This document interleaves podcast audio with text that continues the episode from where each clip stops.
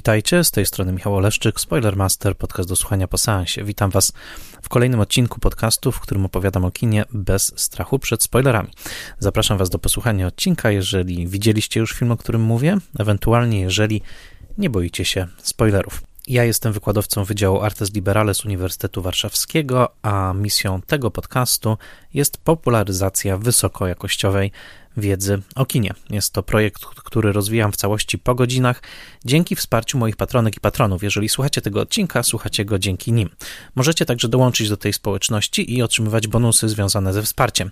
Zapraszam Was na profil patronite.pl łamane przez Spoilermaster. Obecnie to już społeczność ponad 400 patronek i patronów. Szczególnie dziękuję patronkom i patronom imiennym, a zatem Łukaszowi Daleckiemu, Agnieszce Egeman, Sebastianowi Firlikowi, Joannie i Dominikowi Gajom, Odiemu Hendersonowi, Beacie Hołowni, Adamowi Andrzejowi Jaworskiemu, Annie Jóźwiak, Tomaszowi Kopoczyńskiemu, Jakubowi Mrozowi, Iwonie Oleszczuk-Jaźwieckiej, Annie i Krystianowi Oleszczykom, Władimirowi Panfiłowowi, Tomaszowi Pikulskiemu, Mateuszowi Stępniowi, Weronice Więsyk, Jackowi Wiśniewskiemu, Jerzemu Zawackiemu i Tomaszowi Mączce, autorom podcastu Let's Mate Movies, Michałowi Żołnierukowi, a także blogowi Przygody Scenarzysty, prezentującemu analizy scenariuszowe. Bardzo dziękuję im wszystkim i wszystkim patronkom i patronom. Dzięki nim nadaję dalej. W dzisiejszym odcinku Spoilermastera, yy, tym razem nie o klasyce kina, ale o filmie nowym. Filmie, który jest nominowany do trzech tegorocznych Oscarów i filmie, który wywołał bardzo skrajne reakcje. E, w filmie, który został znakomicie przyjęty na festiwalu w Wenecji, gdzie został pokazany w zeszłym roku, ale także w filmie, który doczekał się druzgocącej krytyki i to nie tylko z powodów artystycznych. Tym filmem jest Wieloryb The Whale w reżyserii Darena Aronowskiego z rolą główną Brendana Frasera. Y, to jest film, o którym chciałem y, dzisiaj Wam opowiedzieć, zastanowić się nad nim. Skłoniło mnie do tego między innymi to, że dostałem bardzo dużo wiadomości z prośbami i pytaniami, czy będę komentował tegoroczną stawkę Oscarową. E, jak wiecie, w Spoilermasterze często bardziej stawiam na klasykę kina, więc mm, nie chcę e, zamieniać w Spoilermastera w takie właśnie odliczanie do Oscarów, e, bo jest bardzo dużo świetnych stron i materiałów, które dokładnie to robią. Polecam szczególnie profil facebookowy Oscarioza, ale tak naprawdę te Oscarowe filmy tak bardzo dominują naszą rozmowę o kinie, że staram się mm, trochę mniej na ten temat nadawać, ale pomyślałem, że jeżeli już mówić o jakimś filmie, to o filmie, który wywołał różne reakcje. I na pewno takim filmem jest właśnie Wieloryb.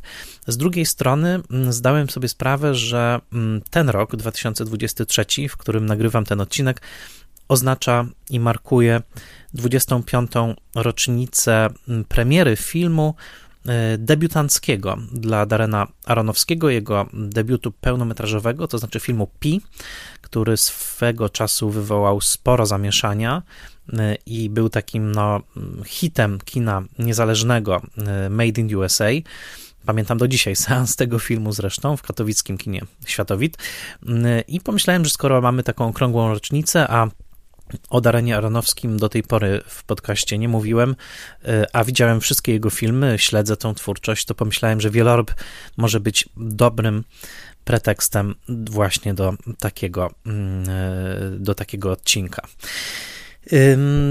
Skupię się dzisiaj oczywiście przede wszystkim na wielorybie, ale jak to w Spoilermasterze, także wprowadzę trochę kontekstu związanego głównie z postacią reżysera, ale tym razem także aktora, bo obsadzenie Brendana Frasera w roli Charlie'ego w Wielorybie to zdecydowanie mm, mistrzowskie posunięcie tego filmu, a jednocześnie, jak się okazuje, posunięcie kontrowersyjne.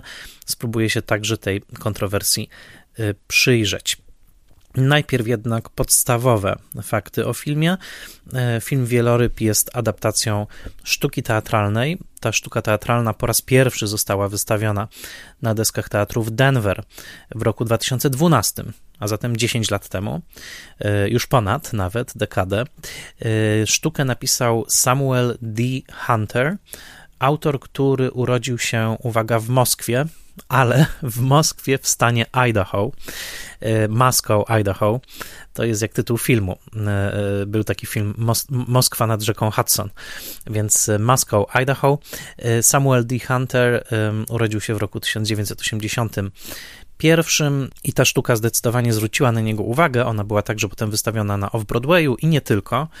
E, na tę sztukę zwrócił uwagę Darren Aronofsky właśnie, przy czym sztuka rozgrywa się w całości w mieszkaniu Charliego, nauczyciela, który mieszka właśnie w stanie Idaho, czyli w tym stanie rodzinnym e, naszego autora, Samuela D. Huntera, i który naucza online, korzystając z tego właśnie modułu nauczania, który w pandemii stał się tak powszechny i który zresztą także przypadł mnie w udziale, e, kiedy to mm, długie, długie godziny zajęć prowadziłem na Wydziale Artes Liberales właśnie w ten sposób. Otóż Charlie uczy e, literatury angielskiej, a w zasadzie kreatywnego pisania, można tak powiedzieć, popularny kurs Creative Writing w świecie anglojęzycznym. I zmaga się jednocześnie z depresją, z nieprzepracowaną żałobą po śmierci swojego partnera Alana, e, dla którego z kolei wcześniej porzucił żonę i córkę, e, z którą e, utracił tym samym na wiele lat kontakt. Charliego pożera poczucie winy, żałoba, poczucie przegranego życia i beznadziei, a takim widomym znakiem jego depresji jest jego chorobliwa otyłość. Charlie waży wedle didaskaliów sztuki 600 funtów, czyli około 300 kg i zmaga się z nadciśnieniem i rozmaitymi pochodnymi chorobami tej podstawowej choroby, na którą cierpi, czyli właśnie e, otyłości. E, jak sam podkreśla, nie jest to otyłość genetyczna, pada to w dialogach, jest to otyłość, która jest pochodną jego e, depresji i radzenia sobie ze stresem i depresją poprzez właśnie nadmierne jedzenia. E, w pewnym momencie córka pyta go, czy ona też będzie tak samo otyła. On mówi nie, e, to, to nie jest właśnie uwarunkowane genetycznie. Innymi słowy, ta mm, choroba otyłości jest tutaj rodzajem metafory. Jest e, metaforą tego, że nasze ciało i nasz umysł są połączone w jakiś bardzo szczególny, często tajemniczy sposób, i kiedy nasz umysł cierpi, to nasze ciało może stać się także widomym znakiem tego, e, tego cierpienia. Traktowanie choroby jako metafory, o czym pisała szeroko, innymi Susan Zontag w słynnym eseju AIDS jako metafora, i w mniej znanym eseju Rak jako metafora, jest y, jednym z podstawowych sposobów funkcjonowania choroby w kulturze. Jednocześnie jest y, to mm, rodzaj obosiecznego miecza, ponieważ y, metafory są nam potrzebne do funkcjonowania w kulturze opartej na całej sferze symbolicznej, która domaga się tych metafor. Z drugiej strony, stosując szerokie metafory, możemy często pomijać indywidualne historie i stosując szerokie metafory, możemy uprościć, a często także krzywdząco wypowiedzieć się o czyjejś indywidualnej historii, która wcale nie musi pasować do tych szerokich, metaforycznych ram. Jest to o tyle ważne, że część kontrowersji, jaka e, wybuchła wokół tego filmu, e, mam wrażenie, dotyka właśnie tej kwestii, to znaczy, jak bardzo jesteśmy gotowi do tego, e, wciąż może gotowi do tego, żeby traktować chorobę jako metaforę, a jak bardzo jesteśmy, zwłaszcza w epoce mediów społecznościowych, w których miliardy indywidualnych historii uderzają nas każdego dnia i docierają do naszych zmysłów, a jak bardzo jesteśmy już gotowi, żeby przesunąć się właśnie w stronę opowieści bardziej zindywidualizowanych, w których mniej liczy się szerokość i głębia metafory, a bardziej liczy się e, indywidualna opowieść, indywidualna tożsamość osoby e, mówiącej. E, na pewno o tym dzisiaj jeszcze wspomnę, bo jest to część kontrowersji wokół tego filmu. E, tak czy inaczej, mówiąc jeszcze o samej sztuce i krótko tylko ją streszczając, jest istotne to, że rozgrywa się ona w ciągu pięciu dni, od poniedziałku do piątku. Charlie jest w coraz gorszym stanie, opiekuje się nim pielęgniarka, wygadana i zdroworozsądkowa Liz, jednocześnie siostra jego zmarłego partnera Alana. E, Liz jest dosyć dwuznaczną postacią, ponieważ z jednej strony opiekuje się nim, ale z drugiej strony przynosi mu niezdrowe jedzenie, które Charliemu nie służy.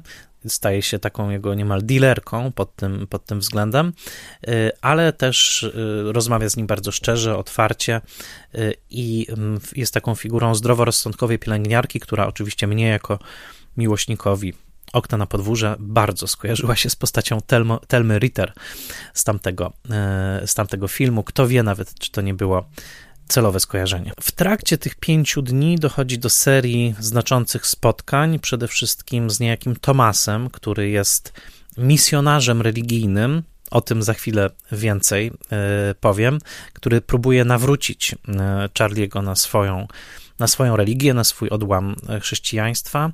Czemu Charlie się opiera? Opiera się temu także Liz, która podkreśla, że Alan E, e, partner Charlie'ego popełnił samobójstwo właśnie dlatego, że prześladowała go miażdżąca religijna wina związana dokładnie z tym odłamem chrześcijańskim, do którego należy Thomas. Jest także córka Charlie'ego, Ellie, grana w filmie przez Sadie Sink.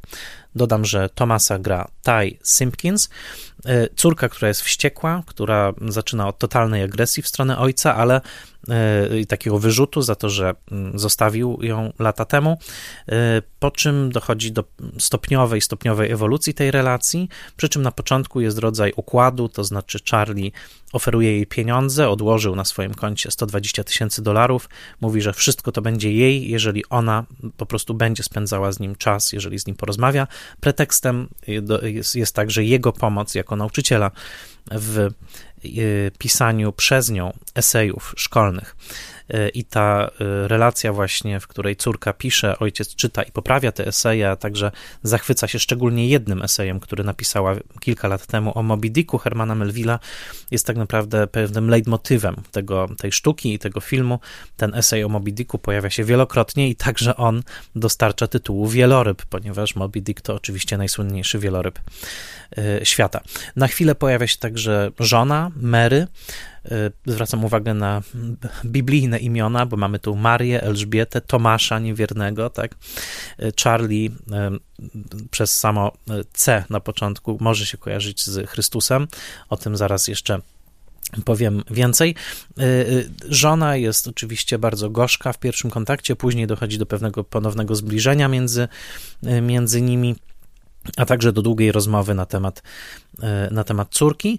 Y, w całej sztuce i filmie wyczuwa się mocno taki motyw pewnej autodestrukcji, to znaczy tego, że Charlie celowo odmawia sobie lepszej opieki szpitalnej po to, żeby zaoszczędzić pieniądze. Jesteśmy w Ameryce, w której nie ma ubezpieczeń społecznych, a zatem trzeba zapłacić za swoją własną opiekę medyczną, yy, a zatem Charlie wielokrotnie tutaj odmawia właśnie kosztownej wizyty w szpitalu, co ma w sobie pewną cechę mm, gestu samobójczego, tego, że po prostu Charlie chce już, chce już odejść, chce już umrzeć, nie pomaga sobie także e, tym dalszym zajadaniem się i ciągłym, ciągłym ignorowaniem rad Liz, która próbuje mu wielokrotnie e, pomóc.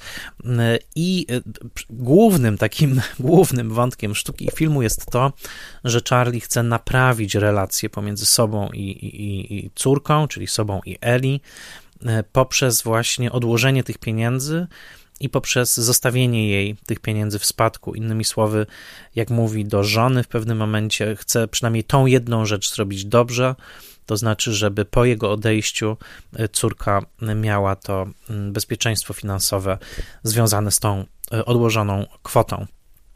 Ta relacja, ojciec i córka, okazuje się tutaj najważniejsza.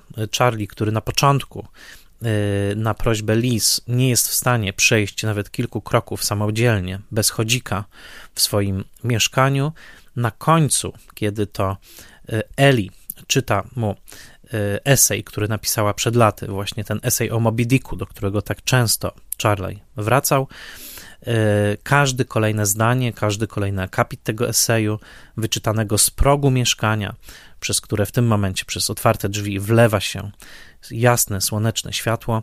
Każdy akapit tego eseju jest motywacją do kolejnego kroku, jaki stawia niemal jak niemowlak Charlie w ostatnich momentach swojego życia, idąc ku swojej córce i umierając, w tym marszu, ale umierając w przekonaniu, że przekroczył samego siebie w imię miłości i ofiary dla swojego dziecka.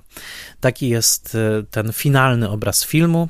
E, oczywiście jesteśmy w spoiler masterze, więc e, mówię tutaj ze spoilerami.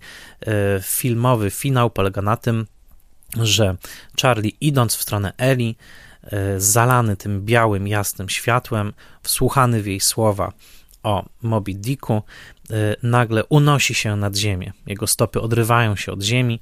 Mamy niemal dosłowne w niebo wzięcie Charliego i rozświetlenie ekranu do bieli i krótką retrospekcję do momentu, kiedy to całą rodziną razem z córką i żoną byli na wakacjach w Oregonie i Charlie zanurzał swoje stopy w wodach Pacyfiku. To jest ostatni moment tego filmu, zanim ekran nie rozświetli się całkowicie do bieli. E, ten obraz Charliego wpatrzonego w horyzont na e, brzegu Oceanu Spokojnego jest obrazem bardzo, bardzo silnie kojarzącym się z finałem filmu Requiem dla snu, w którym to Molo było takim wcieleniem pewnej wizji idyllicznej, która e, na końcu filmu po całym e, piekielnym e, świecie uzależnienia wielorakiego triumfowała jako rodzaj swoistego, no właśnie, snu. Zacznę może od tego, że Darren Aronowski podjął odważną decyzję, kończąc swój film właśnie w ten sposób, to znaczy pokazując dosłowne, fizyczne niemal w niebowzięcie Charliego poprzez te oderwane stopy. W sztuce mm, Samuela Huntera nie było niczego takiego, to znaczy był marsz Charliego w stronę Eli, ale mm, w pewnym momencie didaskalia były bardzo konkretne i suche. Ostatnie didaskalium całej sztuki brzmi tak: Charlie patrzy w górę, nagle kończy się dźwięk fal, który wcześniej rozbrzmiewał. Charlie gwałtownie nabiera powietrza, światła gasną, ciemność. Jest to dokładne zaprzeczenie tego, co robi Aronowski, który w ostatnim momencie swojego filmu rozświetla ekran do całkowitej bieli, no i przede wszystkim zabiera swojego bohatera do nieba. E, to też ciekawy wybór i zaraz o tym powiem więcej. Ale zanim o tym i zanim o samym filmie, to dwa słowa o Darenie Aronowskim, bo e, jak na reżysera, który na dobre wystartował ze swoją karierą w 1998 roku, a zatem ćwierć wieku temu, i który ma obecnie 54 lata w momencie, kiedy nagrywam ten e, podcast, no to jest reżyserem, który wcale aż tak wielu filmów pełnometrażowych nie zrealizował. Wieloryb jest ósmym z kolei pełnym jego metrażem. Na początku było Pi, ale jeszcze wcześniej były oczywiście narodziny Aronowskiego. Urodził się 12 lutego roku 1969. Urodził się w Nowym Jorku i dorastał na południowym Brooklynie e, ze swoimi rodzicami. Jest ze świeckiej żydowskiej rodziny i był bardzo zainteresowany od młodych lat przede wszystkim biologią. Zainteresowanie biologią odbiło się na jego późniejszych podróżach także i obserwacjach, jakie prowadził, obserwacjach naukowych, nawet planował być naukowcem. E, był między innymi na badaniach na Alasce, w Kenii, podróżował także z plecakiem przez całą Europę. Był kimś, dla kogo nauka jako taka, a zwłaszcza biologia właśnie, była bardzo fascynująca. W tym kontekście nie dziwi nazwa firmy produkcyjnej Aronowskiego, której logo na pewno znacie, bo pojawia się przed jego filmami mianowicie protozoa. Protozoa to pierwotniak. Tak także nazywał się jego y, krótki film z 1993 roku, który w całości możecie znaleźć na YouTubie. Y, ale ten obraz w logo tej firmy, właśnie pierwotniaków pod mikroskopem, y, jest bardzo charakterystyczny dla Aronowskiego, ponieważ wielokrotnie mówiono o tym, że on ma w sobie coś właśnie biologicznego, takiego w, naukowego, w tym jak przygląda się ludziom, jak przygląda się ludzkim ciałom. Przypomnijcie sobie pokiereszowane ciało zapaśnika, w filmie Zapaśnik. Mickey Rourke, nominowany do Oscara w tym filmie z 2008 roku, był obiektem fascynacji nie tylko jako postać, ale właśnie jako ludzkie ciało, które było wielokrotnie łamane, siniaczone i które miało na swojej skórze i mięśniach wypisaną całą historię trudnego yy, i pełnego przemocy życia. To samo dotyczy na pewno ciała yy, Charliego, w filmie Wieloryb. I sam tytuł Wieloryb, mimo że zaczerpnięty ze sztuki Huntera, znowu popycha nas w stronę tych biologicznych zainteresowań Aronowskiego, który na pewno patrzy na ludzi trochę jak na zwierzęta, to znaczy przede wszystkim jak właśnie na byty cielesne. Na byty cielesne, które raz e, parają się taką profesją jak zapasy, czyli właśnie czystą przemocą, czymś bardzo, wydawałoby się, pierwotnym, takim e, atawistycznym. Innym razem te same ludzkie ciała są delikatne, wyćwiczone do absolutnej perfekcji i zaangażowane w najbardziej kulturowo uwznioślone formy sztuki, takie jak balet w filmie Czarny Łabędź, w którym Natalie Portman zagrała i dostała Oscara i oczywiście grała baletnicę. Dodam, że łabędź w tytule też nie wydaje się przypadkowy. To kolejny y, zwierzak w tytule filmu Aronowskiego. Nie wspomnę nawet o filmie Noe, gdzie Aronowski odtworzył starotestamentową historię o Noem, pokazując Arkę Noego, która przecież jest no, niemal y, archetypicznym przedstawieniem stosunku człowieka do natury i tego, że y, misją Noego było ocalenie y, po jednym egzemplarzu, czy po jednej parze w zasadzie z każdego gatunku zwierząt. Dodajmy do tego fakt, że na Disney Plus można oglądać serial dokumentalny Aronowskiego Witamy na Ziemi, w którym Will Smith oprowadza po po cudach planety Ziemi i będziemy mieli kompletny obraz Aronowskiego właśnie jako tego biologa, jako kogoś, kto jest zafascynowany naturą jako taką. E, ale jednocześnie, tak jak już zobaczyliśmy w pierwszym filmie Pi, Aronowski jest kimś, kogo interesuje. Mm, mówiąc wprost, Biblia. Biblia i mm, e, jakby ro, rola tego tekstu w kulturze świata. Mówię to wielkimi literami, ponieważ jest to rzeczywiście reżyser, który nie kryje swoich zainteresowań biblijnych. E, I tak jak e, bohater filmu Pi próbował w tej nieskończonej liczbie Pi odnaleźć rodzaj kodu, który doprowadziłby go do nieskończoności Boga, tak samo w innych jego filmach, w filmach Aronowskiego pojawiają się różne nawiązania do wątków biblijnych, mitologicznych, dotyczących stworzenia, dotyczących możliwości zbawienia. Film Źródło, jego największa porażka finansowa do tej pory z 2006 roku, był rodzajem takiej new age'owej przypowieści e, właśnie o praźródłach ludzkiego bytowania, rozegranej na różnych planach czasowych, bardzo ambitnej. To swoją drogą jedyna porażka finansowa e, w karierze Aronowskiego, ale już na przykład Noe był wprost próbą reinterpretacji opowieści biblijnej e, z Russellem Crowem w roli tytułowej, która odniosła spory finansowy sukces. E, więc z jednej strony owa biologia, owo przyglądanie się pierwotniakom pod mikroskopem, pewna bezlitosność wręcz spojrzenia, z którą Arenowski jest kojarzony i dla której także mam wrażenie widzowie powracają na te filmy, bo liczą na pewne shock value, na pewien szok, jakiego dostarczają te filmy. A z drugiej strony właśnie to zainteresowanie nieskończonością, Bogiem, relacją człowieka wobec tych prastarych tekstów, wobec tradycji kulturowych, wobec natury jako takiej, ale właśnie także być może Boga. E, to są zainteresowania bardzo, bardzo ambitne i muszę powiedzieć, że jakkolwiek Aronowski dla mnie jest przede wszystkim takim bardzo intensywnym poetą autodestrukcji, bo wydaje mi się, że to jest jego absolutnie naczelny temat. To znaczy, on uwielbia pokazywać postaci w takim zapamiętałym, frenetycznym tańcu samozniszczenia. E, stało się to wręcz dosłowne w filmie Czarny Łabędź. E, o tyle myślę, że w jego twórczości bardziej niż w jakiejkolwiek innej obecnie e, rozgrywa się rodzaj jakiejś takiej psychomachii, to znaczy walku, walki dobra i zła, e, które są nazywane e, po imieniu i które walczą ze sobą czasami w sposób trochę pretensjonalny, bo Aronowski nie boi się, tak jak mówię, zamaszystych gestów, wielkich słów, potężnych kwantyfikatorów i szacownych odnośników literacko-religijnych. I, I, myślę, że pod tym względem Aronowski jest rzeczywiście twórcą dosyć wyjątkowym, na pewno ciekawym. Y, y, myślę, że dosyć głębokim, to też powiem. To, to nie jest rodzaj takiego dyletanta, który by sięgał tylko po te tematy w sposób naskórkowy. Wydaje mi się, że one rzeczywiście go trawią, rzeczywiście się nad nimi zastanawia. I w tym kontekście film Wieloryb na pewno też wart jest wart jest uwagi.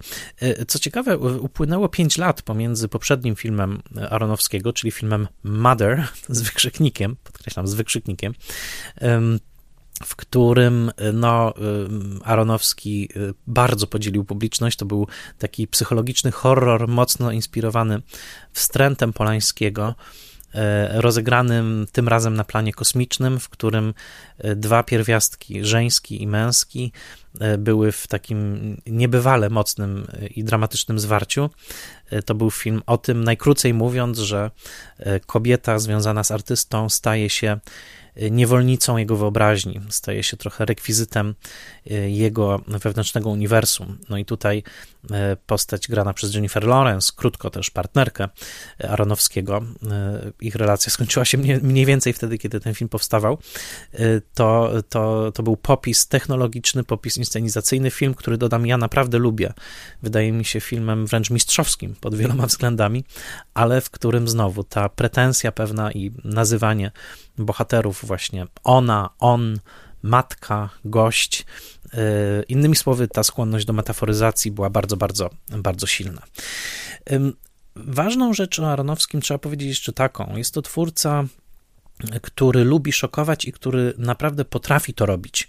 E, Rekwiem dla snu, e, które co prawda oparte na powieści Huberta Selbiego juniora, e, które było taką, taką kroniką wielokrotnych uzależnień, czy to od heroiny, czy to od amfetaminy, środków blokujących apetyt, był filmem spośród wszystkich filmów, jakie widziałem, który mnie chyba najbardziej zaszokował. Pamiętam seans tego filmu i ten finałowy montaż równoległy, myślę, że gdzieś bardzo odlegle zainspirowany finałem nietolerancji Griffisa, gdzie równolegle montuje się wiele różnych autodestrukcji narkotykowych i elektrowstrząsy do muzyki Clint'a Manzela granej przez Kronos Quartet. To jest rodzaj takiego filmowego młota pneumatycznego, który uderza nam prosto w mózgownicę.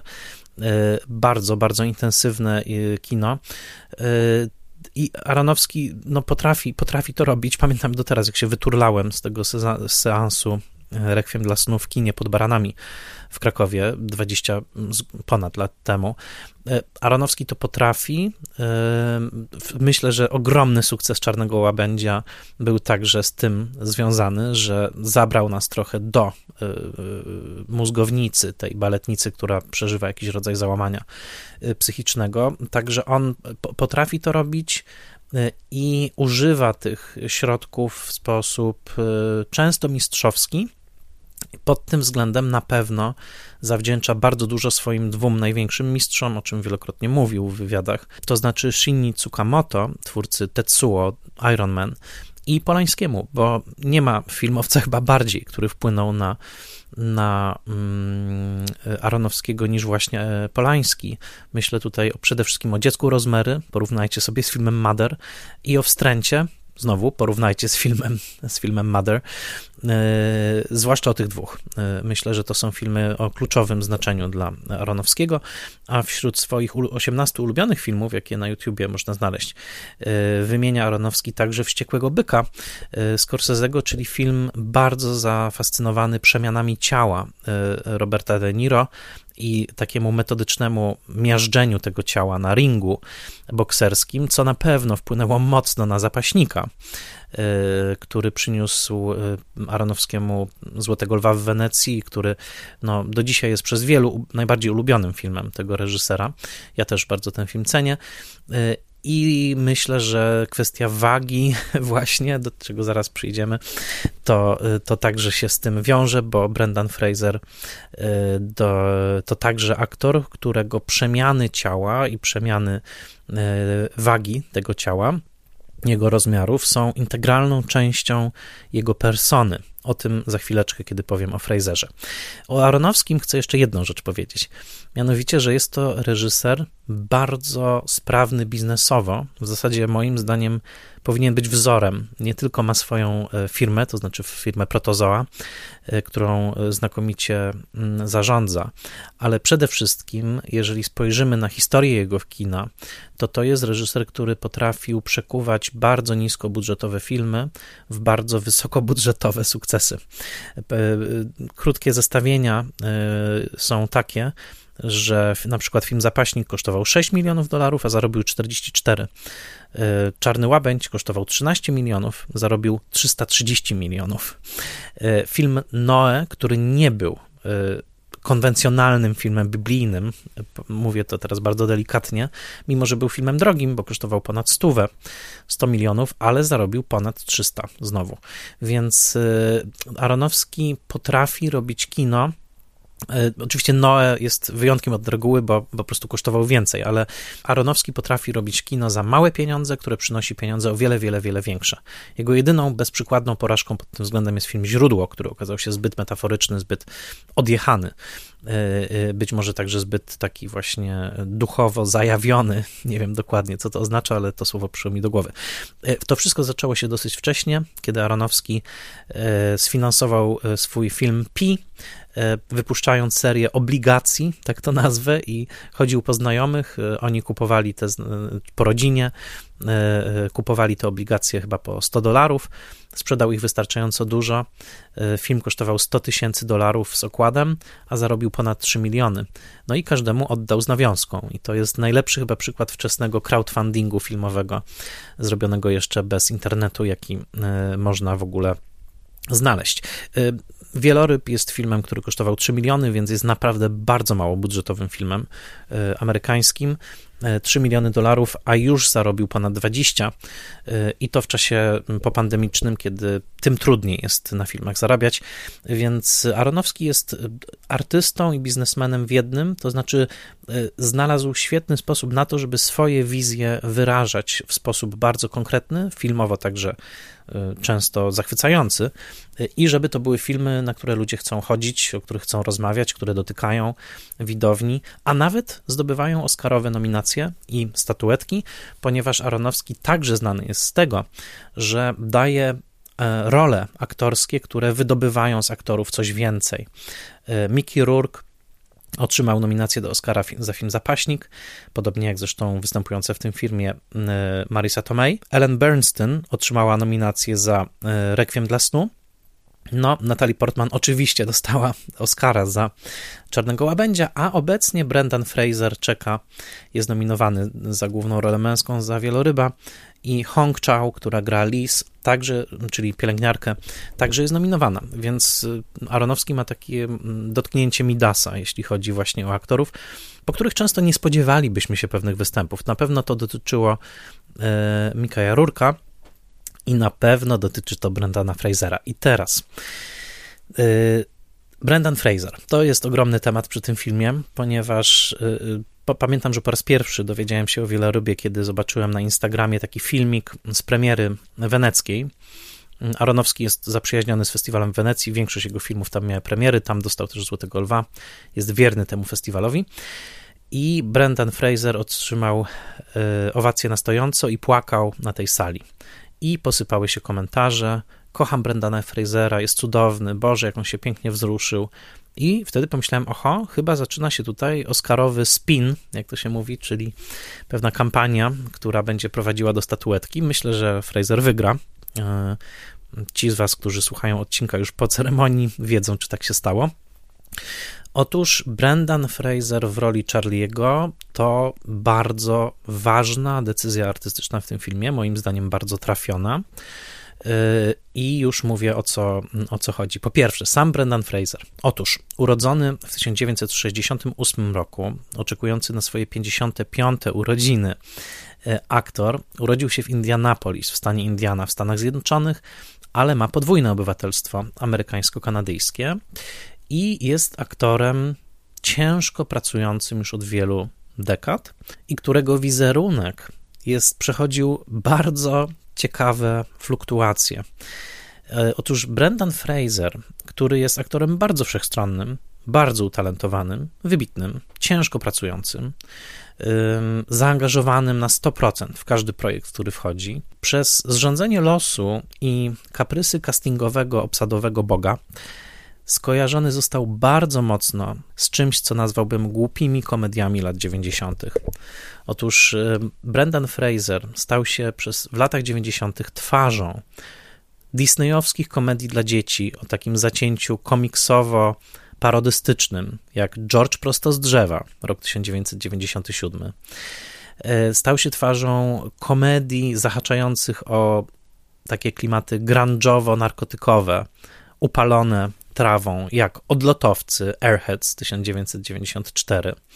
Jego pierwsza duża rola to komedia Jaskiniowiec z Kalifornii, która naprawdę tytułem mówi wszystko.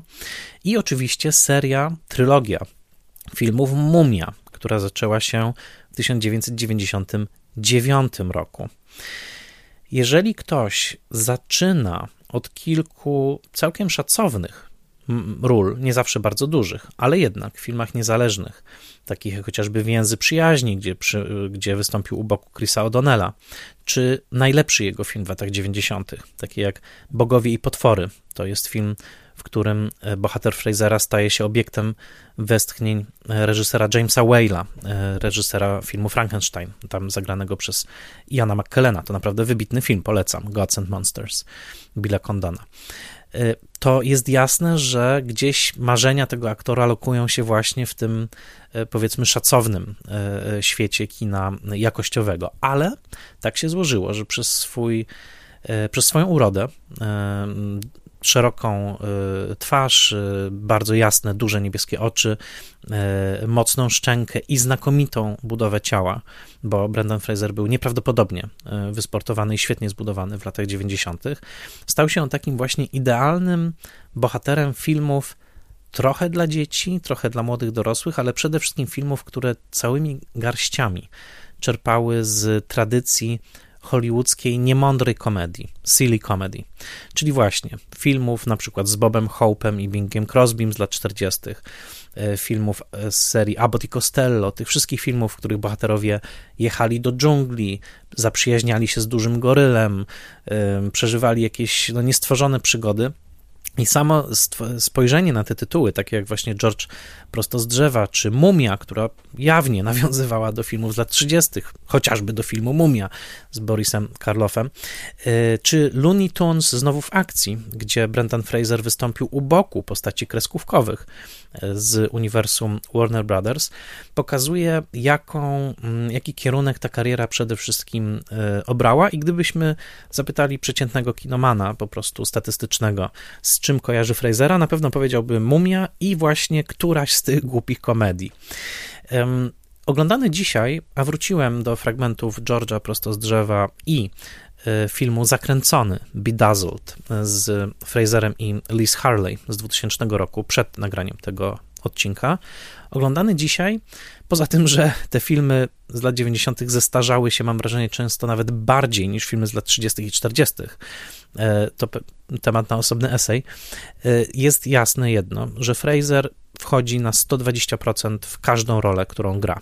Nie ma u niego nigdy ironicznego dystansu, który czasami występował w um, takich przypadkach jak na przykład rolę Boba Hope'a, który występował w rozmaitych, bardzo często głupich komediach lat 40. i 50., ale zawsze mrugał do widza, że on tak na 100% to, to nie jest tutaj zaangażowany, może zarabia na chleb, a przede wszystkim świeci swoją osobowością, ale on nie będzie e, mocno angażował się aktorsko. Tymczasem urok i jakaś niebywała siła Brandona Frasera polega na tym, że kiedy gra George'a prosto z drzewa, czyli właśnie chłopca, który został takiego niby Tarzana, e, Tarzana głupka, o Tarzana, który e, nie jest zbyt rozgarnięty w filmie George prosto z drzewa, to on wchodzi w tę rolę absolutnie stuprocentowo. Staje się tym George'em, gra to całym sobą i nie zostawia nawet centymetra ironii i dystansu. Po prostu Brendan Fraser jest takim profesjonalistą, który daje całego siebie roli.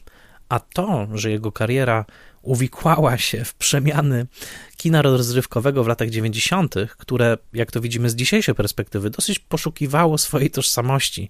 Tkwiło jeszcze jedną nogą w tych Spielbergowskich latach 80., a jednocześnie przemiany technologiczne i obyczajowe bardzo silnie e, to kino e, wykolejały. I e, to, to, to już jest inna historia. Po prostu Brendan Fraser, jako pracujący aktor w Hollywood, tak ta jego kariera się poukładała, że bardzo często grał w filmach w rodzaju Mumia, Grobowiec Cesarza Smoka albo Zemsta Futrzaków na przykład.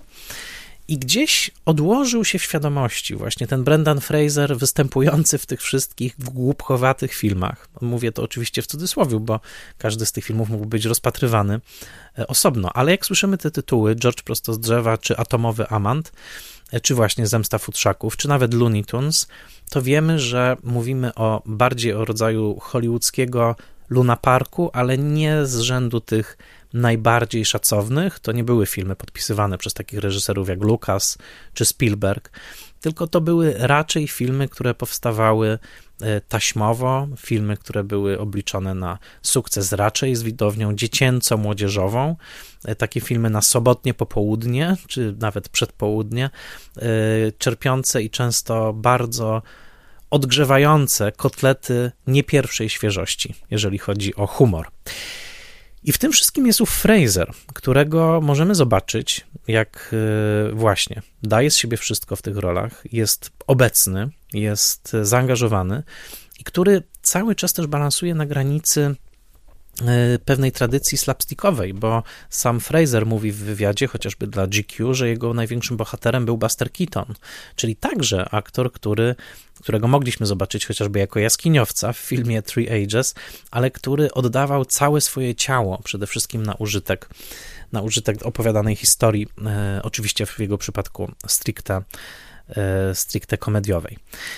I teraz decyzja, żeby obsadzić Frasera, była o tyle interesująca, że przez 10 lat Darren Aronofsky szukał aktora, który mógłby zagrać Charlie'ego.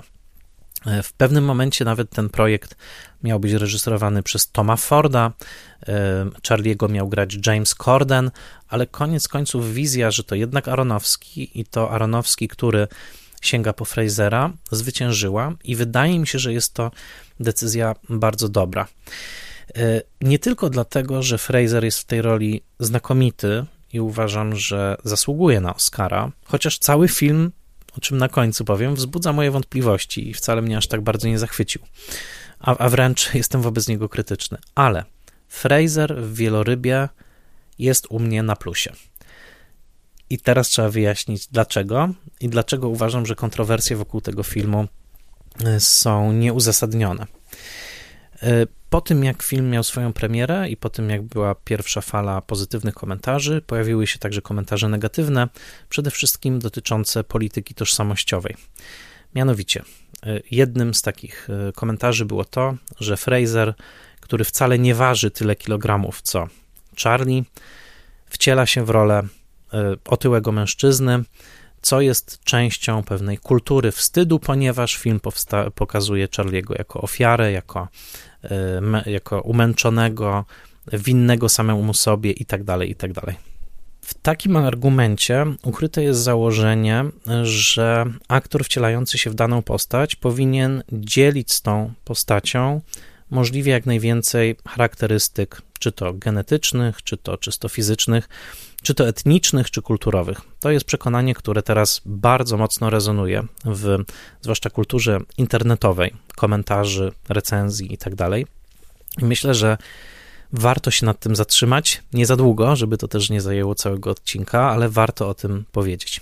Osobiście wydaje mi się, że aktorstwo z samej swojej natury zakłada koncepcję wcielenia i zakłada koncepcję transformacji. To są dwie podstawowe rzeczy, które wydaje mi się, że w tym przynajmniej modelu aktorstwa, jaki znamy, bo na pewno nie dotyczy to chociażby nie wiem, aktorstwa szekspirowskiego, a nawet aktorstwa, nie wiem, w innych kręgach kulturowych, jak na przykład Japonia, ale w naszym kręgu kulturowym na pewno już od dłuższego czasu obserwowanie transformacji aktora jest tym, co interesuje nas, ponieważ uznajemy prymat postaci jako takiej, uznajemy przede wszystkim realność postaci jako coś nadrzędnego. Charlie, czy dowolna inna postać jest dla nas na tyle realny, że aktor staje się w procesie tej transformacji i pracy nad rolą swoistym medium, poprzez, który, e, poprzez które Charlie jako postać nam się ujawnia. I w tym sensie komentarze o tym, że Brendan Fraser powin, albo że on powinien ważyć tyle co Charlie, albo że należało obsadzić w tej roli kogoś, kto waży tyle char, y, co Charlie, wydają mi się nietrafione. O tyle, że zakładają, że sam proces castingu, czyli obsady roli, jest procesem buchalteryjno-komputerowo E, statystycznym. To znaczy, że obsada musiałaby polegać na tym, aby znaleźć aktora, którego parametry, nie wiem, genetyczne, etniczne czy wagowe byłyby zgodne z postacią, i wówczas dopiero można by taką rolę obsadzać. E, myślę, że o ile, jeżeli chodzi o kwestie etniczno-rasowe, to jesteśmy w takim punkcie, że w dużej mierze przychyliłbym się do tego, że odgrywanie postaci e, innej rasy zakłada rodzaj transformacji tak oczywistej, będącej tak bardzo na wierzchu, że aż um, śmiesznej, tak, jakoś, jakoś y, rażąco, rażąco radykalnej, bym powiedział. O tyle w przypadku gabarytów ciała aktorskiego wydaje mi się to już o wiele mniej oczywiste.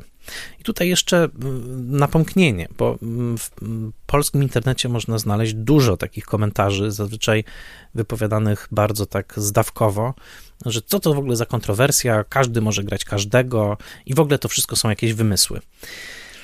Y, nie do końca y, namawiam do małego eksperymentu myślowego. Myślę, że jako Polacy jesteśmy bardzo mało przyzwyczajeni do tego, żeby obserwować reprezentację samych siebie, czyli ekranowe wizerunki samych siebie, przepuszczone przez wrażliwość innych. Y, namawiam wszystkich moich słuchaczy, jesteśmy Polakami, więc, a przynajmniej mówicie po polsku, skoro słuchacie tego podcastu, ale wydaje mi się, że często zapominamy o tym, czym jest filmowa reprezentacja i jak bardzo ona może być wykrzywiająca. E, pierwsze pytanie, jakie bym postawił w ramach takiego ćwiczenia, to jest takie, kiedy ostatnio widzieliście polską postać na ekranie w filmie niepolskim, podkreślam, w którym Polak byłby grany przez kogoś innego, tak? człowieka innej narodowości na przykład. E, znajdziemy takie przykłady. Tak? Marion Cotillard na przykład w filmie mm, Imigrantka grała polską postać. Meryl Streep dostała Oscara za zagranie Polki w filmie Wybór Zofii. I teraz uczepmy się tej postaci Meryl Streep na przykład. E, od razu zauważcie, że przykłady są raczej rzadkie. To nie jest tak, że tych przykładów jest bardzo dużo. I teraz wydaje mi się, że polscy widzowie często bywają bardzo bezlitośni dla takich przypadków, kiedy właśnie na przykład Meryl Streep wciela się w Polkę i no dosyć słabiutko duka po polsku w tym filmie Pakuli, naprawdę, włączcie sobie te sceny. Bardzo trudno jest oglądać sceny Meryl Streep mówiącej po polsku, mimo że pewnie miała dobrych coachów i podobno naśladowała Elżbietę Czyżewską, ale przez ani sekundę polski widz nie wierzy w to, że Meryl Streep jest w tym filmie Polką, tak? To, to, jest, to jest jasne. E, Marion Cotillard pod tym względem poradziła sobie znacznie lepiej, ale znowu, kiedy oglądamy te sceny, to mamy gdzieś tam jakiś ironiczny uśmieszek, tak? Na zasadzie, no dobra, nawet jej się udało. Przy czym potrafimy ocenić też inne walory roli. Natomiast nigdy do końca nie kupimy tych postaci jako Polek, po prostu bo mamy tą swoją tożsamość jako Polaków i widzimy pewną maskaradę, która się tutaj dokonuje. I czasami ta maskarada jest bardziej udana, czasami jest mniej udana. To nie znaczy oczywiście, że one nie mogły zagrać tych ról. Natomiast chcę, żeby jakby teraz polski widz, który słucha tego podcastu, zrobił taki eksperyment i wyobraził sobie, że tego rodzaju wykrzywiające czy odbiegające od rzeczywistości reprezentacje są czymś na porządku dziennym i że oglądamy je cały czas w każdym filmie, albo w co drugim filmie, albo przez całe dekady. I jakbyśmy się czuli, gdybyśmy byli otoczeni takimi właśnie polskimi portretami w cudzysłowie, tak? czyli tak naprawdę pewnymi wyobrażeniami jakiejś dominującej, powiedzmy, grupy, takiej jak świetni aktorzy hollywoodzcy czy świetni aktorzy europejscy na temat Polaków. Oczywiście myślę, żeby nas to irytowało coraz bardziej tak? Pewnie byś, bylibyśmy do tego nastawieni ironiczno, zgryźliwie. I teraz Volta. To jest dokładnie to doświadczenie, które przez dekady mieli chociażby Afroamerykanie w Stanach, kiedy przez 60 czy z górą 60 lat Hollywood pokazywało ich wyłącznie poprzez stereotypy. Pokazywało ich wyłącznie poprzez stereotypy językowe, behawioralne, klasowe, społeczne, e, płciowe, które były akceptowalne dla mainstreamowej białej kultury w Stanach Zjednoczonych. Nie będę się teraz nad tym dłużej rozwodził, ale zdajcie sobie sprawę z tego, że dla afroamerykańskich widzów przez bardzo, bardzo wiele dekad, dekad wszystkie te reprezentacje, które widzieli siebie na ekranie, były często śmieszne, żałosne, bardzo często także po prostu ubliżające i nie było dla nich alternatywy. To jest bardzo ważne. Albo ta alternatywa była tylko bardzo wąska w ramach jakichś absolutnie niezależnych mikroprodukcji, ale ta kultura dominująca po prostu posługiwała się tym, i teraz wracam do naszego przykładu, Meryl Streep jako Polką. Tak? To jest, mówię, doświadczenie, które nam jest trudno sobie wyobrazić do końca, po prostu, bo nie było naszym udziałem. Nasze uwarunkowania kulturowe są inne. I teraz wracam do głównego wywodu. To nie jest tak, że nie możemy o tym dyskutować, że, w, że kwestia reprezentacji nie jest ważna i tego, kto gra kogo. To wszystko jest istotne, to jest ważne. Możemy o tym mówić. Natomiast, i teraz odbijam na drugą nóżkę, absolutnie wydaje mi się pomyłką mówienie o tym, że aktor taki jak Brendan Fraser, wcielający się w postać e, ważącego 600 funtów e, Charlie'ego, nie ma do tego prawa. Pojawiły się także zarzuty, że Fraser jako heteroseksualny mężczyzna nie powinien grać mężczyzny homoseksualnego. Wydaje mi się to oparte na bardzo nietrafionym założeniu, które pomija właśnie kwestię transformacji, jaka jest konieczna w pracy aktora nad rolą. To po pierwsze. A po drugie, wydaje mi się, że argument, którym posługują się e, wrogowie tej kreacji w tym znaczeniu, jest obosieczny, ponieważ e, rzekoma troska chociażby o to, że e, wyklucza się aktorów, którzy ważą tyle co Charlie, jednocześnie całkowicie wyłącza troskę o mm, interesy innych grup zawodowych które pracują w branży filmowej, i tu mam na myśli na przykład taką branżę jak branża charakteryzatorska, ponieważ praca charakteryzatorów przy tym filmie jest bardzo, bardzo duża. Zresztą film dostał nominację także za charakteryzację. Y, I y, czy postulat tego, że nie powinno się dokonywać takich transformacji cielesnych na potrzeby ekranu, łączy się z postulatem, żeby wyłączyć tą grupę zawodową, jaką są charakteryzatorzy i po prostu skazać ich, że tak powiem, na poniewierkę? E, no, mam nadzieję, że nie, ponieważ ich praca także wynika z tego założenia, że obsadzając na przykład w roli człowieka słonia, czyli prawdziwego Johna America, Johna Herta, mówię o filmie Davida Lyncha Człowiek Słoń, praca charakteryzatora polega na tym, żeby w tej transformacji dopomóc. I teraz kończę ten krótki rant tym, że uważam, że po pierwsze, Brendan Fraser miał pełne prawo zagrać tę rolę. Po drugie, że praca charakteryzatorska, która tu jest wykonana, jest częścią zamysłu artystycznego tego filmu. A po trzecie, y, Brendan Fraser, grający homoseksualnego mężczyznę, jest absolutnie y, aktorem, który wciela się w swoją postać i myślę, że nie powinniśmy kwestionować mm, tego mm, procesu, ponieważ zakwestionowanie tego procesu jako całość myślę, że uderza w samo sedno e, sztuki przedstawiającej, jaką jest teatr, jaką jest film, i w pewnym sensie podcina gałąź, na której wszyscy siedzimy. Bo dodam, e, Mickey Rourke nie był zapaśnikiem, Natalie Portman nie była baletnicą, Russell Crowe nie był prorokiem, a Ellen Bernstein nie odchudzała się w trakcie kręcenia Requiem dla snu. Byli to wybitni aktorzy, którzy, którzy wcielili się w swoje e, role.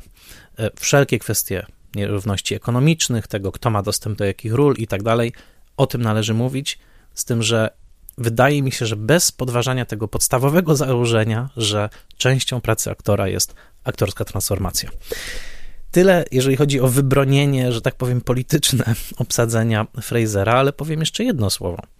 Mianowicie, samo myślenie, że obsadzanie roli to jest obsadzanie ciała, jest już połowiczne. Już czegoś w nim brakuje. Ponieważ ja, kiedy oglądałem ten film, nie miałem żadnych wątpliwości, dlaczego obsadził Aronowski y, Frasera. Dla mnie to są dwa główne powody. Po pierwsze, obsadził go dlatego, że Frasera znamy skąd inąd. Aktor przynosi ze sobą swoją historię, historię swoich wcześniejszych ról, historię wizerunku. Część dramatu oglądania wieloryba polega właśnie na tym, że w twarzy Charlie'ego odnajdujemy twarz dawnego znajomego, że wiemy, że znamy skądś tą twarz, widzieliśmy go w innej formie, widzieliśmy go w innym ciele niemal, niemalże, ale ta twarz to jest twarz naszego znajomego z, z dawnych lat. I tym też ma prawo grać artysta, y, taki jak Aronowski, naszą pamięcią. I obsadzanie Brendana Frasera i obsadzanie każdego aktora to jest także obsadzanie pamięci jego poprzednich ról. Więc to jest tu bardzo istotne, bo to, że to jest Brendan Fraser, jest integralną częścią całego zamysłu. A drugi powód to są oczy. To są oczy Brendana Frasera, bo tego nie da się podrobić. Jego spojrzenie szerokie, naiwne, bardzo, bardzo delikatne i podatne na skrzywdzenie. To cudowne angielskie słowo vulnerable. W filmie, nawet w takiej komedii jak Zakręcony, Bedazzled z 2000 roku, gdzie gra nieudacznika, który nagle spełnia swoje marzenia o tym, żeby być samcem alfa. To wszystko, y, albo jego właśnie szeroko otwarte oczy i szeroki uśmiech, kiedy gra głupka Tarzana George'a z drzewa w filmie disneyowskim z lat 90. To wszystko odżywa tutaj poprzez spojrzenie Frasera, bo to jest ta jedna rzecz, którą co prawda można podrasować szkłami kontaktowymi, ale która jako taka jest tym, co w kinie dla aktora jest najcenniejsze. Spojrzenie Garbo, spojrzenie y, Brando, spojrzenie Bogarta, spojrzenie Brendana Frasera. Oczy są największym kapitałem aktora. Nie będę powtarzał starych dykteryjek o oczach jako o zwierciadłach duszy, ale jest w tym coś. I wydaje mi się, że obsadzając Frasera, Aronowski także obsadził jego delikatne, dziecięce niemal spojrzenie, które w tym ciele mężczyzny, którego ciało wymknęło się spod kontroli, jak sam to mówi, są takim, taką ostoją jego tożsamości, jego duszy. Więc y, to też w tym filmie y, bardzo dobrze, moim zdaniem, y, zafunkcjonowało. Zanim przejdę jeszcze do analizy znaczeń w tym filmie, co postaram się zrobić zwięźle, dwa słowa o tym, że warto, żebyśmy także spojrzeli na portretowanie Charlie'ego w tym filmie jako na pewien projekt estetyczny, bo i charakteryzacja, i zdjęcia Matthew Libatika, stałego współpracownika Aronowskiego, w tym filmie bardzo konsekwentnie pracują na to, żeby pokazać nam Charlie'ego w tej całej jego cielesności. To jest coś, co bardzo by się spotka- spodobało Karolowi Żykowskiemu, y, który y, w rozdziale Ciało jako żywioł w swojej słynnej książce Dziesiąta Muza, która wyszła 99 lat temu, podkreślał, że właśnie ciało nienormatywne, ciało, które jakoś przekracza te normy kulturowe w danym momencie, jest idealnym tematem dla kamery. On wskazywał na najsłynniejszego dużego aktora, czyli na Fetiego Arbakla, tak zwanego grubaska, Fati, e, jako właśnie na arcyfilmowego aktora przez to, że jego tusza czyni go bardziej interesującym dla kamery, dlatego że jest bardziej ciałem niż ciało e, szczupłe. Y, pisał tak y, Iżykowski w Dziesiątej Muzie. Filmy z Fatim są właściwie farsami, które z jego grubością nie mają nic do czynienia. A to jego tusza jest tak silnie fotogeniczną, tu jest to słowo wyjątkowo na miejscu, pisze Iżykowski. Fotogeniczną zwłaszcza w przeciwstawieniu do jego zgrabności, że cokolwiek Fati robi, jest zabawne i miłe. Gra on nieustannie własne ciało. Najlepiej zaś zagrał je raz wtedy, gdy popisując się umiejętnością pływania, nurkowania i przewracania koziołków w wodzie, wychylał z wody raz po raz różne wypukłości, wypukłości swego fizycznego jestestwa. I potem pojawia się genialne zdanie, no, cała ta książka jest usilana genialnymi zdaniami. Fati jest rentierem swojej tuszy. To znaczy, że jakby Fati występujący na ekranie jest beneficjentem tego, jak wygląda jego ciało, ponieważ jest to fotogeniczne fotogeniczne zjawisko, to jak on wygląda i jak się porusza. I do tego też namawiam, bo wydaje mi się, że przy filmie taki jak Wieloryb, gdzie kamera jest tak wpatrzona cały czas właśnie w to ciało Charliego, częścią tego projektu Aronowskiego jest takie spojrzenie właśnie jakbyśmy patrzyli przez mikroskop na te pierwotniaki, żebyśmy się przyjrzeli temu ciału, także jako obiektowi właśnie estetycznemu, nie w sensie klasycznego piękna, bo to nie o to chodzi, tylko tego, jak może wyglądać ludzkie ciało jakie transformacje są jego udziałem.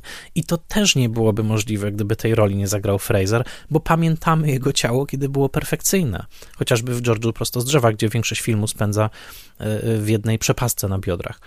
Więc sama transformacja tego ciała, to jak się Charlie w tym filmie porusza, jak próbuje się poruszać i jak koniec końców mu się to udaje, jak przebija się niejako przez tą własną ograniczającą jego ruchy tusza po to, żeby koniec końców jego duch i miłość do córki zwyciężyła nad tymi kilogramami, to też jest integralny, integralna część tego filmu. Więc nie należy się zamykać na to, że tusza nie jest tylko kwestią społeczną i polityczną, ale jest także kwestią estetyczną, w sensie przedstawiania ludzkiej figury na ekranie. Odnośnie otyłości, sam się z nią borykam. To jest temat, który mi towarzyszy już od wielu lat. Oczywiście nie w takim stopniu jak Charlie, ale wiem, czym jest ta, y, y, ta choroba, wiem, czym są też y, związane z nią kwestie społeczne i psychiczne. Naprawdę temat jest mi znany. Bardzo chciałem Wam polecić jeden materiał. To jest wywiad Rafała Gębury, 7 metrów pod ziemią, świetny kanał, z doktorem habilitowanym Mariuszem Wyleżołem. Mariusz Wyleżał. To jest wiceprezes Polskiego Towarzystwa Leczenia Otyłości i kierownik Warszawskiego Centrum Kompleksowego Leczenia Otyłości i, chirurg i Chirurgii Bariatrycznej w Szpitalu Czerniakowskim w Warszawie. E, Mariusz Wyleżał.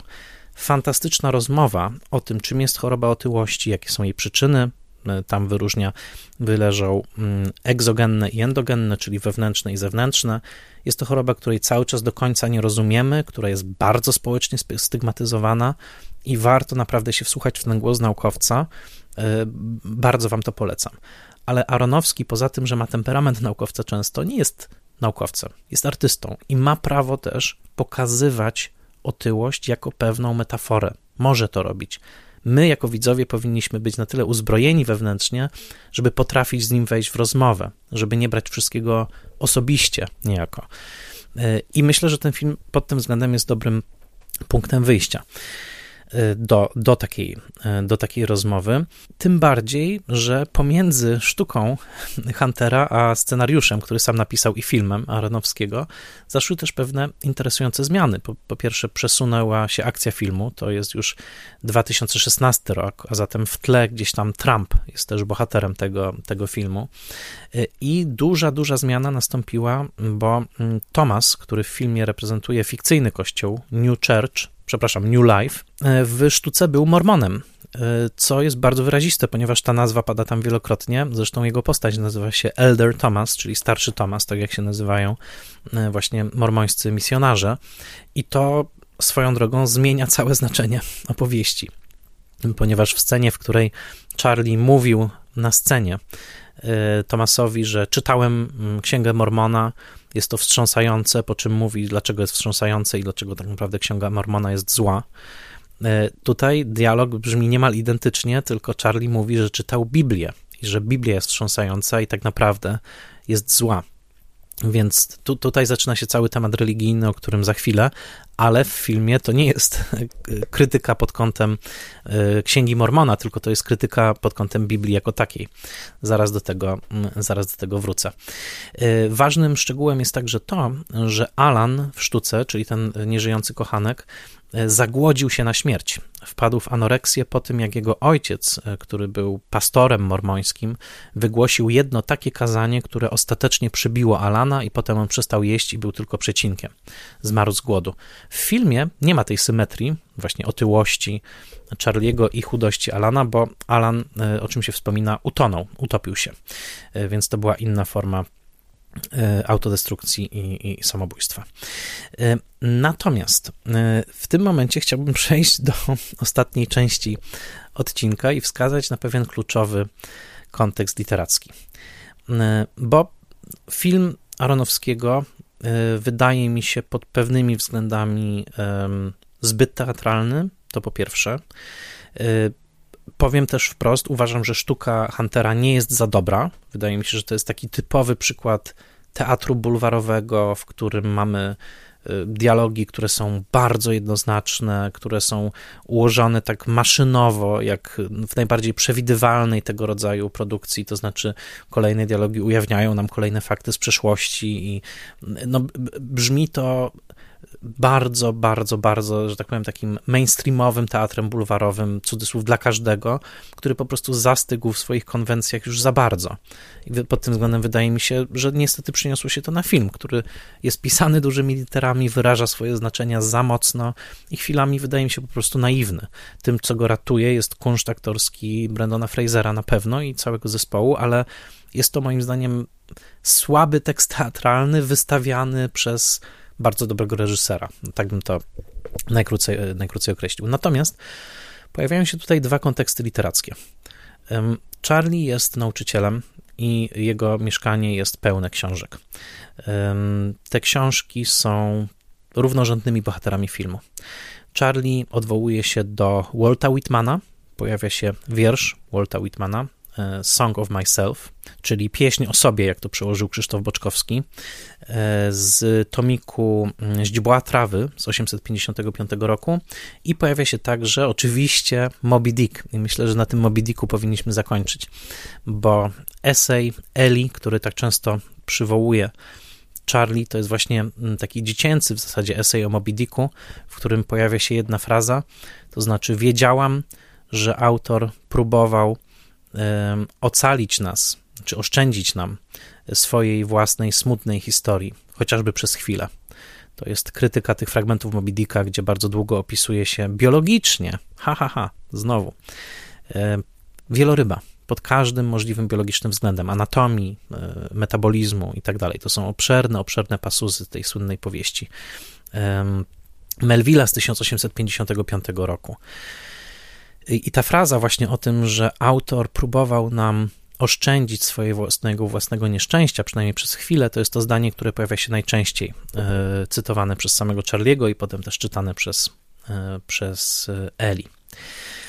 I tutaj chciałbym dojść do konkluzji, to znaczy o czym jest ten film i w jaki sposób te dwie aluzje literackie są po prostu bardzo istotne dla jego, dla jego kształtu. Walt Whitman jest uznawany za kluczowego poetę e, amerykańskiego XIX wieku.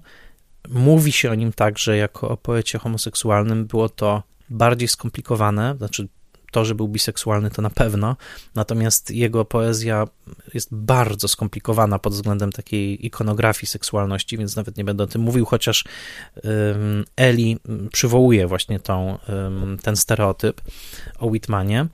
E, tak czy inaczej, Zarówno Herman Melville, jak i Walt Whitman, jako Amerykanie połowy XIX wieku, byli pod ogromnym wpływem Ralpha Waldo Emersona. Jego esejów, w których poszukiwał nowych form religijności, które byłyby mocno zakorzenione w indywidualnym ludzkim ja. Mniej w feudalnych, kojarzonych z Europą strukturach kościelnych, protestanckich przede wszystkim, bo to była protestancka Ameryka, a bardziej właśnie w takim wejrzeniu jednostkę w samą siebie i w naturę, którą ją otacza.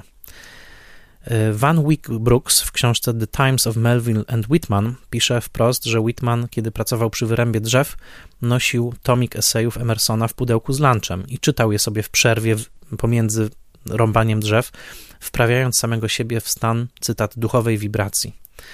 Dla e, Melvilla także Emerson był bardzo ważny. I tutaj ci autorzy są przywołani właśnie w duchu emersonowskim jako taka gwarancja szczerości. Tym, czego od swoich uczniów online wymaga Charlie najbardziej, jest szczerość. Jednocześnie sam im tego odmawia, nie włączając kamerki, i to im serwuje na końcu, kiedy tę kamerkę w końcu włącza i pokazuje im całe swoje ciało. Szczerość jest także tym, co wnosi w świat tej sztuki i tego filmu Eli, kiedy to ujawnia sekrety Tomasa przed jego rodzicami i paradoksalnie doprowadza do pojednania, którego bardzo się obawiał Tomas. Prawda i szczerość są wyzwalające w świecie wieloryba. To jest główna, główna myśl tego filmu. Jest ona głęboko zakorzeniona i w Whitmanie, i w którego egzegezę nawet dokonuje Charlie w tym filmie, i w Melville'u, a poprzez nich w Emersonie. Tak jak w Dzikiej Kaczce e, Ibsena, gdzie mieliśmy apostoła prawdy, którego misją było wypowiadanie każdej, każdej prawdy po to, żeby uleczyć schorowaną od kłamstwa rzeczywistość, tak tutaj też to przekonanie, że w końcu wypowiedzenie prawdy i przeprosiny także, przeprosiny, które wypowiada w ostatniej scenie Charlie wobec córki, są tym, co go uwznioślają. Po tych przeprosinach Charlie może wzlecieć do nieba, co dosłownie pokazuje nam Aronowski. Wydaje mi się, że te cytaty i odwołania są przywołane w samej sztuce w sposób mm, bardzo oczywisty, mm, graniczący z niezręcznością, grubo ciosany. Tym, co w filmie je przynajmniej częściowo transformuje, jest oczywiście rola Frasera, którego sposób wypowiadania kwestii Charliego uwiarygadnia je, ale nie uwalnia tego filmu od pewnej pretensji, od tego, że ilość tych aluzji literackich też wydaje się w pewnym sensie za duża.